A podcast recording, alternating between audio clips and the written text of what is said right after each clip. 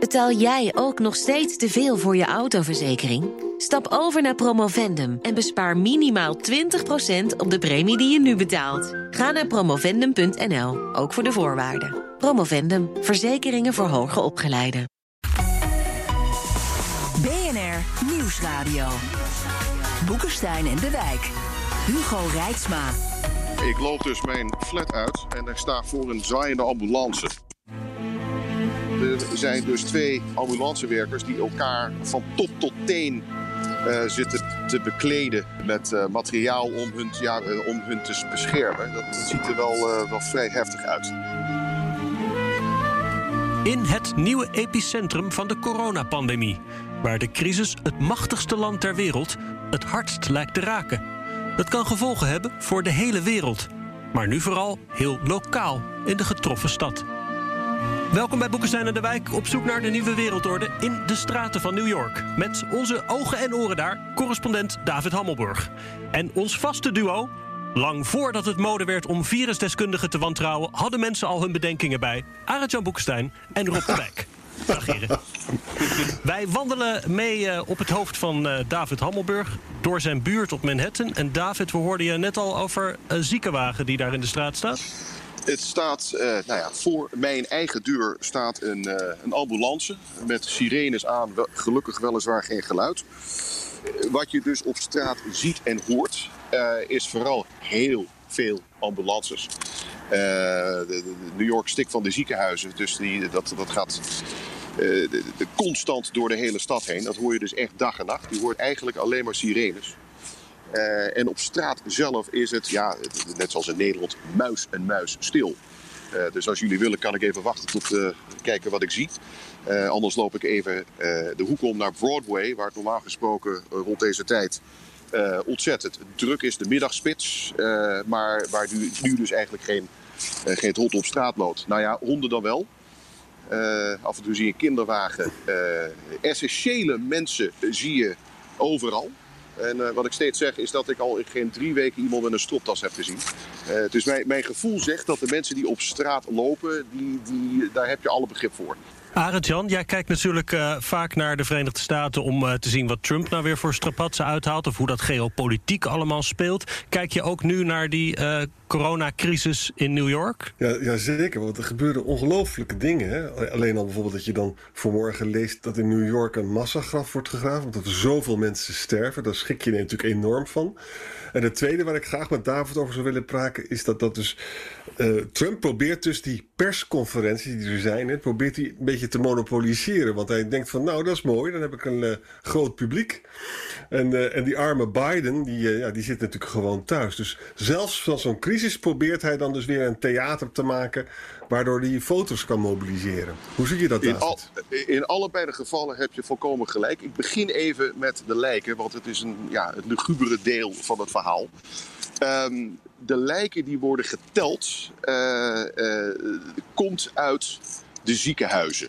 He, dus uh, iemand overlijdt in een, in een ziekenhuis, dan gaat daar ja, een bodybag naar een andere afdeling in het ziekenhuis. Op die manier is het vrij makkelijk te tellen. Maar er gaan in New York uh, ik geloof, als ik het goed kan begrijpen, iets van uh, tussen de 75 en 100 mensen uh, per dag dood thuis.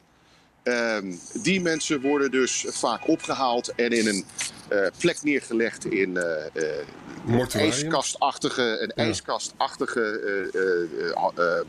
tractor-trailer. En uh, die worden dus volgens mij nog niet eens geteld. Want uh, er is nergens niemand die daar een telling over kan doen. Er is een hele outfit uit Buffalo naar New York gekomen. Die alleen maar met dit soort zaken te maken heeft. En als je dus naar de statistieken kijkt. Uh, Cuomo zei vandaag, onze gouverneur in de staat New York, zei vandaag. het gaat eigenlijk hartstikke goed. Want die beroemde, die bell curve.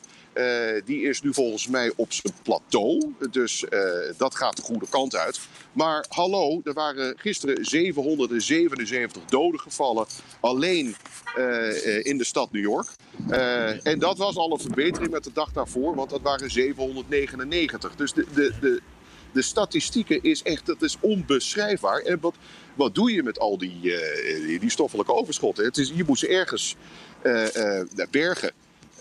En er is dus een, plek bij de Bronx, dat heet Hart Island, ook Potter's Field genoemd. En dat is waar uh, is een massagraf, al sinds de Amerikaanse burgeroorlog. En daar worden dus de John Doe's begraven. De mensen die dus geen identiteit hebben, daklozen, mensen waarvan families ze niet kan ophalen omdat ze het geld niet hebben voor juiste begrafenis. Uh, dus dat, ja, ja, dat, dat, dat zie je dus nu allemaal gebeuren. Want die mensen moeten ergens naartoe. Maar David, dus de staat New York, begrijp ik, is inmiddels erger getroffen dan die gebieden in, uh, in Spanje en het noorden van Italië. Is er ook een idee waarom? Hebben ze daar ook uh, carnaval gevierd? Is dat beleid? Is dat toeval? Is daar een het idee een, van? Ja, het is een uitstekende vraag. Want als je de stad New York vergelijkt met bijvoorbeeld de stad San Francisco. Uh, er zijn in de stad New York al meer dan 7000 doden. En in de stad San Francisco 150. Nou, hoe leg je dat uit? Um, uh, natuurlijk is uh, de stad New York dichtstbij, dichtst bebouwde stad in Amerika. Iedereen woont op een kluitje en op elkaar. En mag je melden dat 8,5 miljoen mensen op een dierenhoop terwijl er niets te doen is geen pretje is. Nee, nee. Maar uh, deze uh, welbekende uh, gouverneur Cuomo, die ook president Cuomo wordt genoemd in de volksmond, en onze burgemeester Bill de Blasio hebben naar de mening van velen alles veel te laat op slot gedaan. De burgemeester van San Francisco was tien dagen eerder. dus dat kan geen toeval zijn dat daar dus duizenden minder doden zijn gevallen. Uh, natuurlijk reist heel de wereld via New York, of vanuit de hele wereld naar New York, of via New York naar de rest van Amerika. Uh, dat, dat is ook geen toeval. Maar uh, de burgemeester van San Francisco heeft dus duidelijk iets goeds gedaan, terwijl wij hier uh, naar mijn eigen gevoel een beetje uh, niet precies wisten in welke richting we moeten. Dat heeft ook ja. een reden. Als je alle scholen dicht doet bijvoorbeeld, dat is 1,1 miljoen scholieren. Uh, die scholen functioneren meer dan alleen een school. Want dat is ook een soort opvangcentrum voor A, de kinderen. Uh, er wordt voedsel gegeven voor die mensen die dat niet kunnen betalen. Er komt dus meer bij kijken dan alleen maar een opleiding en naar school gaan. Uh, dat heeft ook te maken met hangjongeren die van straat moeten. Dus de burgemeester hier was echt de absolute laatste uh, die dat deed. Maar je merkt aan alle statistieken, hoe eerder je dicht bent gegaan, achter slot en grendel, hoe meer kans je hebt om, om het te overleven. Kijk, in New Orleans was Mardi Gras begin maart. En dat is na New York en New Jersey uh, volgens mij uh, de derde van de uh, meest getroffen slachtoffers. Omdat er anderhalf miljoen mensen aan een feestje aan het bouwen waren met elkaar. Dus dat is allemaal geen toeval. Maar laten we die vraag over de politiek stellen. Want dat vind ik, dat vind ik ook nog heel erg interessant. Hè? Trump die probeert dus gewoon die, die, ook die medische bijeenkomsten, die persconferenties gewoon te domineren. Omdat hij gewoon die verkiezingen aan het winnen is. Dat is wat er aan de hand het, is. Uh, ja, je, je, het, het, de dag gaat zo. Uh, ergens tussen half twaalf en twaalf spreekt gouverneur Cuomo in New York. Dat, zelfs Fox zendt dat uit, omdat dat uh, buitengewoon nuttig is. En die man is steengoed. Dat wil zeggen dat hij helemaal beschrijft wat er in New York gebeurt. Of gebeurd is die afgelopen 24 uur en wat er nog moet gebeuren. Ik onderbreek even. Ik zie iemand die nu op een brancard naar buiten wordt gebracht. Dat ziet eruit als een beetje oudere dame. Uh, en die zit rechtop gelukkig. Dus er is hier eigenlijk niet veel aan de hand. Dus ik loop gelukkig weer even door. Uh, wij gaan door. Ja, de, de politiek. Dus uh, die Cuomo geeft een, uh, een dagelijkse persconferentie. Daarin legt hij doodleuk uit wat er allemaal gebeurt. Ik ga even schuiling zoeken, want het is wel heel hard nu. Wat weer bij jou daar, hè? Ja, er staat een windkracht waar je u tegen zegt. Maar even, even, even geduld, één seconde. Ik rol even de straat op. Wat wel heel erg interessant is, is dat je dus ook aan republikeinse uh, kant gemor ziet. Hè? Senator uh, Lindsey Graham die heeft gezegd: ja, kunnen we hier gewoon niet even mee ophouden? Kan die president uh, zich niet even gaan concentreren op bijvoorbeeld wat er moet gebeuren als deze viruscrisis over is en wat we dan vervolgens moeten gaan doen met, met de economie? Dat is waarschijnlijk veel beter om dit te doen. Want Graham, die maakt zich, en het is toch niet een onbelangrijke figuur ook in de richting van Trump, die maakt zich grote zorgen dat dit eigenlijk alleen maar ehm, ten bate is van Biden. En die zegt van dit is gewoon niet goed. Hij is een soort omgekeerde uh, campagne aan het voeren om zichzelf niet herkozen te, uh, te, te laten worden. Uh, wat vind jij ervan, David?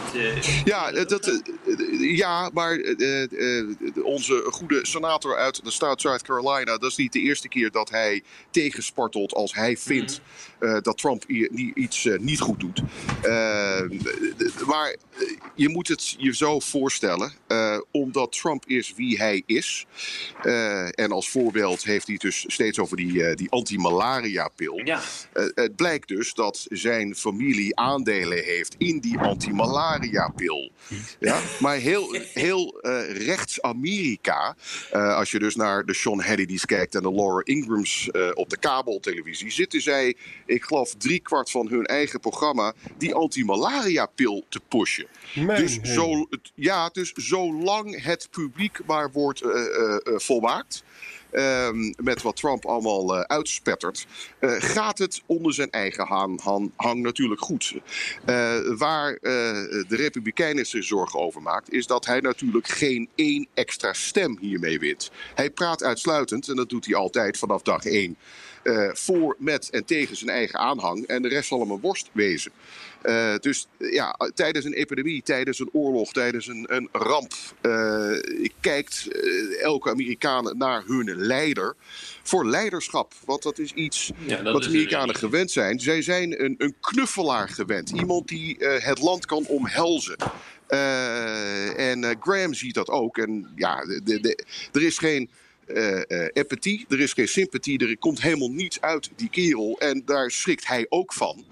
Uh, maar het maakt niet uit, want Trump is maar, zoals maar hij is. kijk, hoe verklaar jij dat, die, uh, dat zijn aanhang nog steeds zijn aanhang is? ik kan me voorstellen dat men redeneert van... ja, hoor eens even, die, Trump die kan ook niks aan die virus doen. Allemaal geïmporteerd uit, uit het buitenland. dus het is hem niet aan te rekenen. Maar op een gegeven moment zou je toch moeten gaan zien dat Amerika disproportioneel getroffen wordt eh, door deze, eh, door deze crisis. Wordt het nou helemaal niet gezien eh, door, zijn, door, door de mensen die op een stemmen? Het is een uitstekende vraag en het is een beetje de kern waarom de aanhang bij Trump blijft. Reden nummer één, je wil nooit toegeven dat je een fout hebt gemaakt als kiezer. Dus je gaat net zo lang door totdat het niet meer kan. Dat is gewoon psychologisch iets wat eh, bestudeerd is. Dat begrijp ik. En uh, je, je, mag eigenlijk nooit uh, uh, aanvaarden dat je een, een, fout hebt gemaakt. Ten tweede doet Trump wat heel rechts Amerika wil. Of het nou over immigratie gaat. Het onderwerp, onderwerp maakt niet zoveel uit. Maar hij doet dus al het vieze werk wat eh, de, de rest van de Republikeinen maar niet voor elkaar kunnen krijgen. Dus dat is geen onbelangrijk aspect van het idee. Uh, waarom je Trump maar moet blijven steunen. Derde reden um, is omdat de media, die vuile linkse media, vanaf dag één al bezig is om Trump een, een, eh, een kopje kleiner te maken. En dat is waar. Um, New York Times en de Washington Post hadden vanaf het eerste moment, uh, ik geloof, 100 man per stuk om, uh, uh, om alles uit te zoeken. Om te kijken of er niet een of andere schandaal kon worden ontplooid om hem af te laten zetten. Dat is gewoon waar. Um, dat ja, wij tegen daar, hem zijn. ja? ik, ik, begrijp het allemaal, maar mijn vraag is: wat mankeert die kiezers? Zien die dit niet? Wat zijn dat voor mensen? De kiezers geloven heilig in misschien niet zozeer wat Trump zegt, maar dat dat dus extra dubbel bovenop s'avonds wordt herhaald op Fox News door Hannity en Ingram. Um, je kan zeggen Trump is gevaarlijk. Uh, of uh, ja, wat, wat, wat belemmert zijn aanhang. Maar als je dus de televisie aanzet s'avonds, heeft Hannity 3 miljoen kijkers. En uh, uh, Laura Ingram daarop, uh, daarna nog eens een keer 2 miljoen kijkers. 5 miljoen kijkers, ja. dat is dus de invloed ja, maar er zijn volgens van... mij 350 miljoen Amerikanen. Dus dat ja, maar als je dus kijkt wat zij allemaal roepen en hoe mensen dat klakkeloos overnemen. Uh, in de rechtse media. Um, ja, zij verkopen het en het wordt uh, uh, goed verkocht, want iedereen gelooft in wat ze zeggen. Dus je, dit hele debat nu over die anti-malaria-pil en hoe hoe de linkse media en die, die uh, obscure linkse uh, wetenschappers het allemaal niet begrijpen. En dat het allemaal een complot is tegen onze goede heer uh, Donald Trump. Dat heeft er heel veel mee te maken. Nou ja, wat ik inderdaad en, heb gezien, ook een fantastische commentaar op Fox News van inderdaad die David Hansen, die Victor David Hansen. die zegt eh, de Amerika die leidt op dit ogenblik het mondiale gevecht eh, in eh, de bestrijding van de corona. En de hele wereld kijkt nu naar Amerika hoe je hier bovenop moet komen. Het is natuurlijk allemaal lulkoek in het kwadraat. Maar ja, het wordt wel gezegd. Het is gewoon, wel... Als je het stuk ook leest, dat is gewoon de ene, lege, de ene leugen naar de andere. Maar ja, het, kennelijk is dus Amerika een land wat nogal bevolkt is door complotdenkers. En mensen die dus echt absoluut niet bereid zijn om naar de feiten te kijken. BNR Nieuwsradio. Boekenstein en de Wijk. Op zoek naar de nieuwe wereldorde. Dit is Boekenstein en de Wijk. En dat programma is natuurlijk niet zonder Arend-Jan Boekenstein en Rob de Wijk. Mijn naam is Hugo Reitsma en we zijn te gast bij correspondent David Hammelburg op straat in New York. Ja, ik sta nu op eh, Broadway in de Upper West Side. Ik sta eh, naast uh, of voor de deur van de beroemde Zeebars. Zeebars is een, een iedereen of iemand in New York is geweest die weet wel wat Zeebars is. Dat is een, een, een deli uh, waar je, uh, nou ja, die is nog open. En uh, ik zie daar dus mensen in de rij staan. Als ik tel, nou, dan kom ik op ik denk zo'n 30 mensen buiten. Daarvan dragen, ik denk 28 mensen een masker. het staat keurig aangekruist op het trottoir waar men moet staan in de rij. Excuse me, how long have you been standing in line to get to this point? Maybe I was here maybe about 10 minutes. 10 minutes? About 10 minutes, right? 10 minutes. Thanks. Is it worth it? Okay. De delis zijn dus nog open. Dat is belangrijk. Een beetje zoals de supermarkt hier. Misschien net zo belangrijk. De, de broodjeszaken. Essentieel. We hebben, natuurlijk over de, ja. ja. we hebben natuurlijk al over het gezondheidsaspect gehad. Maar uh, deze week las ik, uh, ik geloof, in totaal 17 miljoen Amerikanen die een werkloosheidsuitkering hebben aangevraagd. Hoe hard komt het economisch aan voor zo'n ja, stad? Ja, dat, dat, dat, het, moet je nagaan. Heel Nederland is nu werkloos. Dat, dat is het equivalent van wat hier gebeurt. ja. In de staat New York zijn alleen al duizend extra mensen aangenomen uh, om het papierwerk aan te kunnen gaan. Uh, om je een idee te geven. Uh, als je dus kijkt naar wat er open is, dan, dan is dat niet veel. Kledingzaken, alles wat op ja, een beetje de retail wat op straat leeft, dat is gewoon achter slot en grendel. En je weet dus ook niet meer of die winkels ooit terugkomen. Maar hoe moeten we dit nou allemaal interpreteren? Het is natuurlijk ook een programma wat zich een beetje bezighoudt met Amerika en de wereld. Maar dit belooft niet veel goed. Uh, want als je dus gewoon ziet hoe groot die klap is op dit ogenblik met betrekking, nou wat je zelf al hebt gezegd, werkloosheid, 16 miljoen uh, er in één klap uh, bij. dat betekent dus gewoon dat Amerika echt op zijn gat ligt en dat dat een vertraging gaat op leveren in de groei, die vermoedelijk eigenlijk groter is dan, uh, dan die van China, als ik jou zo goed uh, dat, dat klopt. de verwachting is ook dat wij gewoon rechtstreeks in een depressie terechtkomen. De vraag is niet of dat gebeurt, maar de vraag is hoe lang. Als je met financiële experts praat, wat ik een paar keer heb gedaan in de afgelopen mm -hmm. weken, met precies dezezelfde vraag dan is er tot mijn grote verbazing een aantal mensen die zeggen: het is allemaal niet zo slecht als je denkt. De economie was, ging redelijk goed. We hebben mhm. natuurlijk nu een ontzettende klap gekregen. Je moet niet verwachten dat zodra die belcurve omlaag gaat en de, de wereld gaat weer open, dat alles in één keer weer recht wordt gezet. Maar als je nu geld hebt, investeren, want over een jaar is het weer goed. Dus je moet wel het geduld hebben om een, dat jaar door te komen. Maar in het algemeen uh, ja, uh, gaat het wel weer goed om. Uh, op, op de experts die dus een mening hebben over hoe snel deze uh, belcurve naar beneden gaat en hoe snel Amerika weer open kan gaan. Kijk, als Amerika open gaat in, nou ja, pakweg uh, over een maand, dan is het nog te doen. Als het pas in september open gaat, dan hebben we echt een, een, een probleem. Uh, dan ziet iedereen een beetje in hetzelfde putje. Dus dat, ja, het is gebaseerd op uh, wanneer men denkt Amerika weer, weer, uh, weer open gaat. Ja. Maar ik zal je even een paar andere dingen vertellen.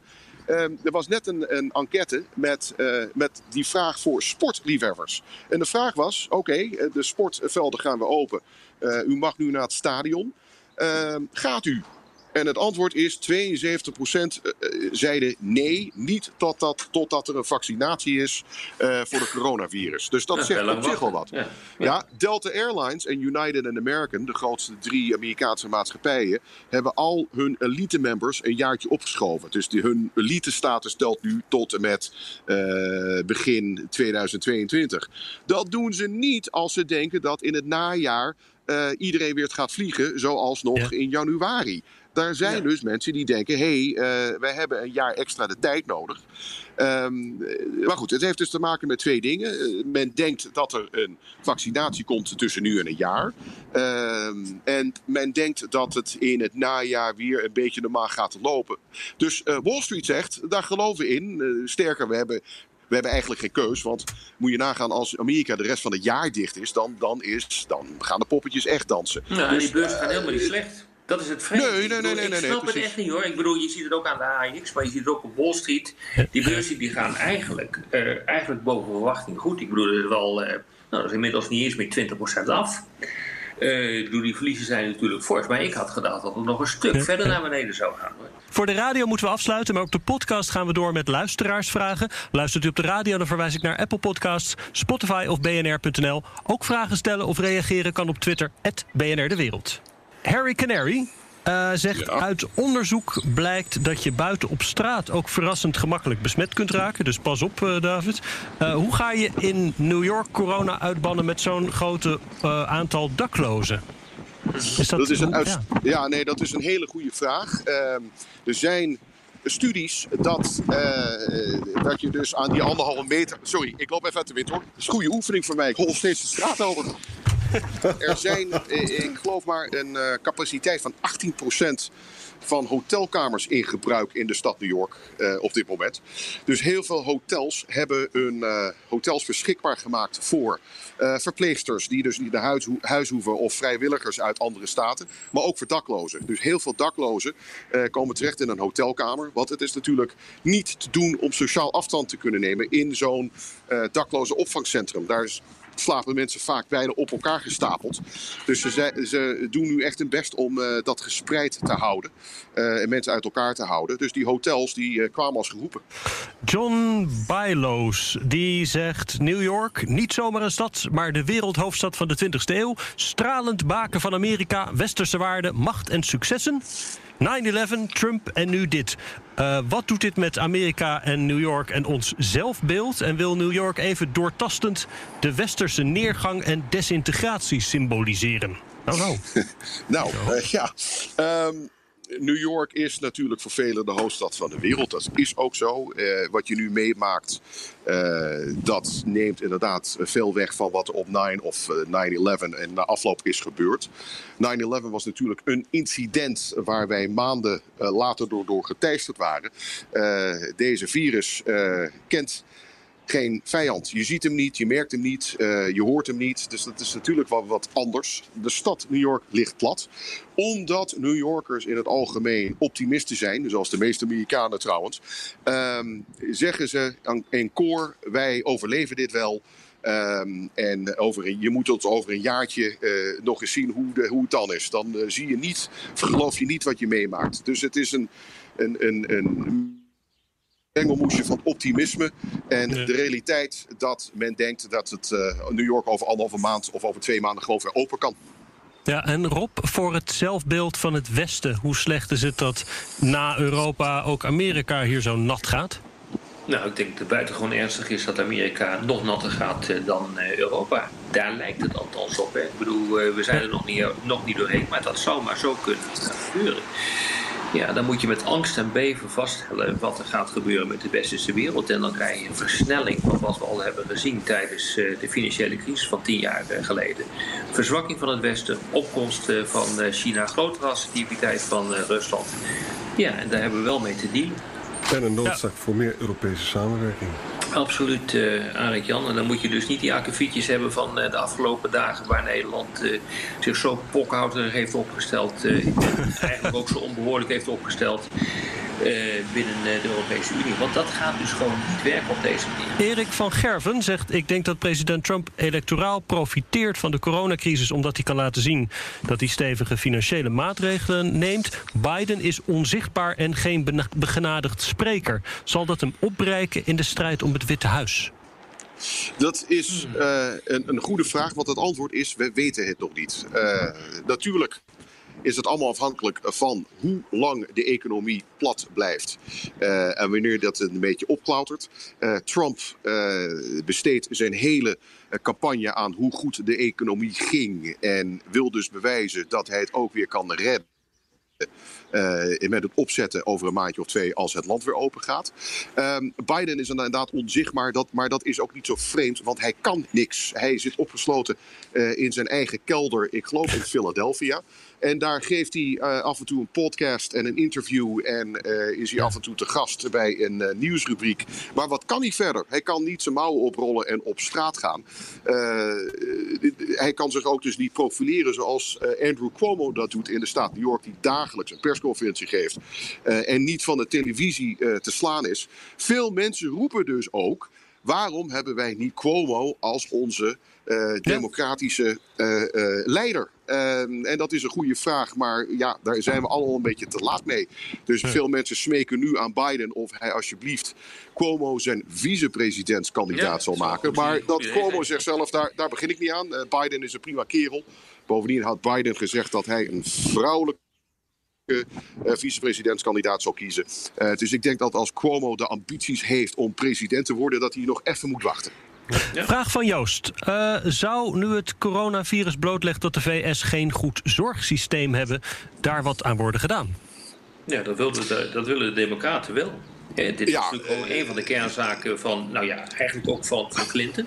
Die dat wilde ja. met, met Hillary. Uh, dit is. Uh, ja, dit, dit, heeft ook zeer nadrukkelijk gespeeld in de hele strijd. Uh, waar uiteindelijk dan uh, Biden uit eerste. Nou, maar Sanders heeft het ook uh, geduld. Hè. Ja, dat is op een of andere manier. David moet maar zeggen waarom toch die Amerikanen nooit aan een goed zorgstelsel willen. Waarom willen ze dat niet? Ik zal je vertellen, dit is voor deze crisis was dit het allerbelangrijkste campagneonderwerp. Ja. Um, vooral voor Biden. Nou is, is hij vrij gematigd in wat er allemaal moet gebeuren. Dus geen uh, universal healthcare, dus uh, uh, gezondheidszorg voor iedereen zoals wij dat in Europa gewend zijn. zelfs geen Canadese model, maar wel iets waar iedereen dus het recht op heeft om voor een redelijk bedrag gezondheidszorg kan, zich kan permitteren. er zijn nog altijd 30 miljoen Amerikanen die onverzekerd zijn. Dus ook met Obamacare, waar de Republikeinen steen en been zich hebben tegen verzet en nog steeds. Um, zijn er nog altijd mensen die dus geen, uh, die niet verzekerd zijn. En als je zo naar zo'n crisis kijkt, uh, zie je meteen wie er wel aan te pas komt en wie er niet aan te pas komt. En als de democraten dit slim spelen, geven zij dit als voorbeeld waarom er drastisch en onmiddellijk iets aan moet veranderen. Ja. En als ze slim zijn, is dit en blijft dit hun allerbelangrijkste uh, campagnepunt. En dan kom jij terug met de vraag: en hoe zit het dan? met de Republikeinen en hun aanhang, dan is de, het antwoord: uh, de, het is nog maar de vraag of zij in dat geval ook mm. nog tegen hun eigen belang zullen stemmen. Uh, Harold, Perno vraagt: Zal de America First handelspolitiek van koers veranderen door de gevolgen van corona in de VS? Piet Hoekstra spreekt al over onze Europese vrienden. Ja. Uh, en in welke mate zal de coronacrisis gevolgen hebben voor de economische en tanende militaire macht uh, van de VS in de wereld? Het antwoord is vrij, voor mij heel simpel. Dat hangt er vanaf wie de president is in november. Als Biden het wordt, dan komt er een drastische verandering. Ja, dat weet ik niet. Uh, hij zal er alles voor doen om, uh, om zoveel mogelijk te veranderen. Ik denk dat Trump even, wacht, niet wacht al te veel zal veranderen. Dat hoeft niet. Als je gewoon kijkt wat er de afgelopen maanden is gebeurd. De toon die uh, Trump heeft aangeslagen, onder andere in uh, Davos. Als je kijkt wat er uh, gebeurd is in, in München. Er werd ook door een aantal Amerikaanse ministers een andere toon aangeslagen. Ik heb het zelf meegemaakt met een aantal andere onderministers... die voor de eerste keer sinds lange tijd weer in Europa aanwezig waren... en allemaal de goede dingen zeiden over Europa. Ik denk dat er op dit ogenblik wel degelijk, uh, ook in de kringen van uh, Trump, het besef begint te, doorbreken te ontstaan dat uh, wanneer Amerika zo doorgaat, zich inderdaad verzwakt continu, dat ze bondgenoten nodig hebben. Het zou mij niet verbazen als het die kant op gaat. En Trump die moet dan in de tweede termijn wel helemaal compleet geschrift zijn om daar niet gebruik van te maken. En om zelf dus niet nog verder weg te glijden. Nee, dat kan, maar ik zou geen metamorphosis verwachten hier. Ik denk dat het, als uh, onze goede vriend Boris Johnson het allemaal overleeft, dat dat natuurlijk zijn uh, grootste bondgenoot wordt. Ik denk dat, uh, dat Nederland een kleinere, of een kleine rol kan spelen in transatlantische mm -hmm. relaties. Tenminste, zover dat niet met Frankrijk en, en Duitsland gaat gebeuren. Natuurlijk zal hij zeggen: oké, okay, uh, water bij de wijn, wat dichter bij elkaar. Maar verwacht niet dat hier nu een geheel nieuw Amerika uitkomt. Integendeel, Amerika zal zeggen: als, als, eh, nogmaals, als. En dat is het allerbelangrijkst. Uh, als het land in mei of juni weer open gaat. Uh, en wij allemaal positieve tekenen zien dat het allemaal de goede kant uitgaat. Desondanks een slechte economie. Dan, zag, dan zal Trump onmiddellijk roepen: zie je wat ik allemaal zelf heb gedaan zonder de steun van iemand. Dat, dat is Trump.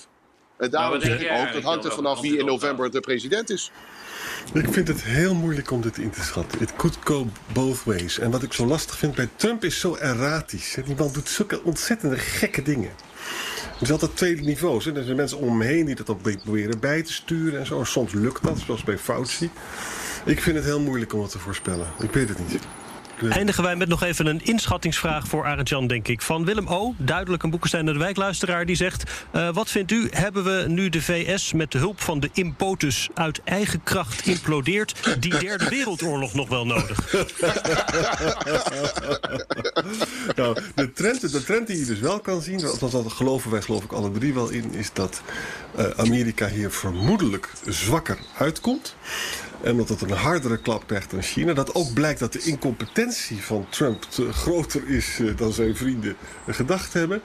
Dat China hier dus sterker uitkomt. En dat heel belangrijk voor Europa, dus die Atlantische steun, die heel erg nodig is. Want hoe, hoe, hoe, hoe, erg je ook voor Europese samenwerking bent, dat duurt nog heel lang voordat dat echt uh, gaat werken. Dus je hebt Amerika nodig. En in een scenario dat Amerika dus veel meer wegvalt, dan is dat heel slecht nieuws voor een zwak Europa. Dominee Boekenstein zal bommelen. en daarmee zeg ik... Dit was weer Boekenstein en de Wijk. Namens Arend-Jan Boekenstein en Rob de Wijk, dank voor het luisteren. Speciale dank aan David Hammelburg voor de fijne wandeling. Sterkte daar en tot volgende week.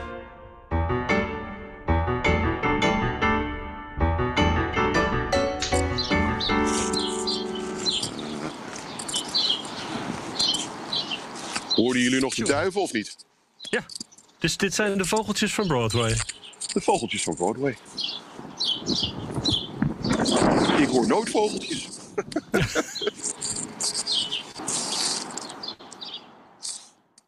Betaal jij ook nog steeds te veel voor je autoverzekering? Stap over naar Promovendum en bespaar minimaal 20% op de premie die je nu betaalt. Ga naar promovendum.nl, ook voor de voorwaarden. Promovendum, verzekeringen voor hoger opgeleiden.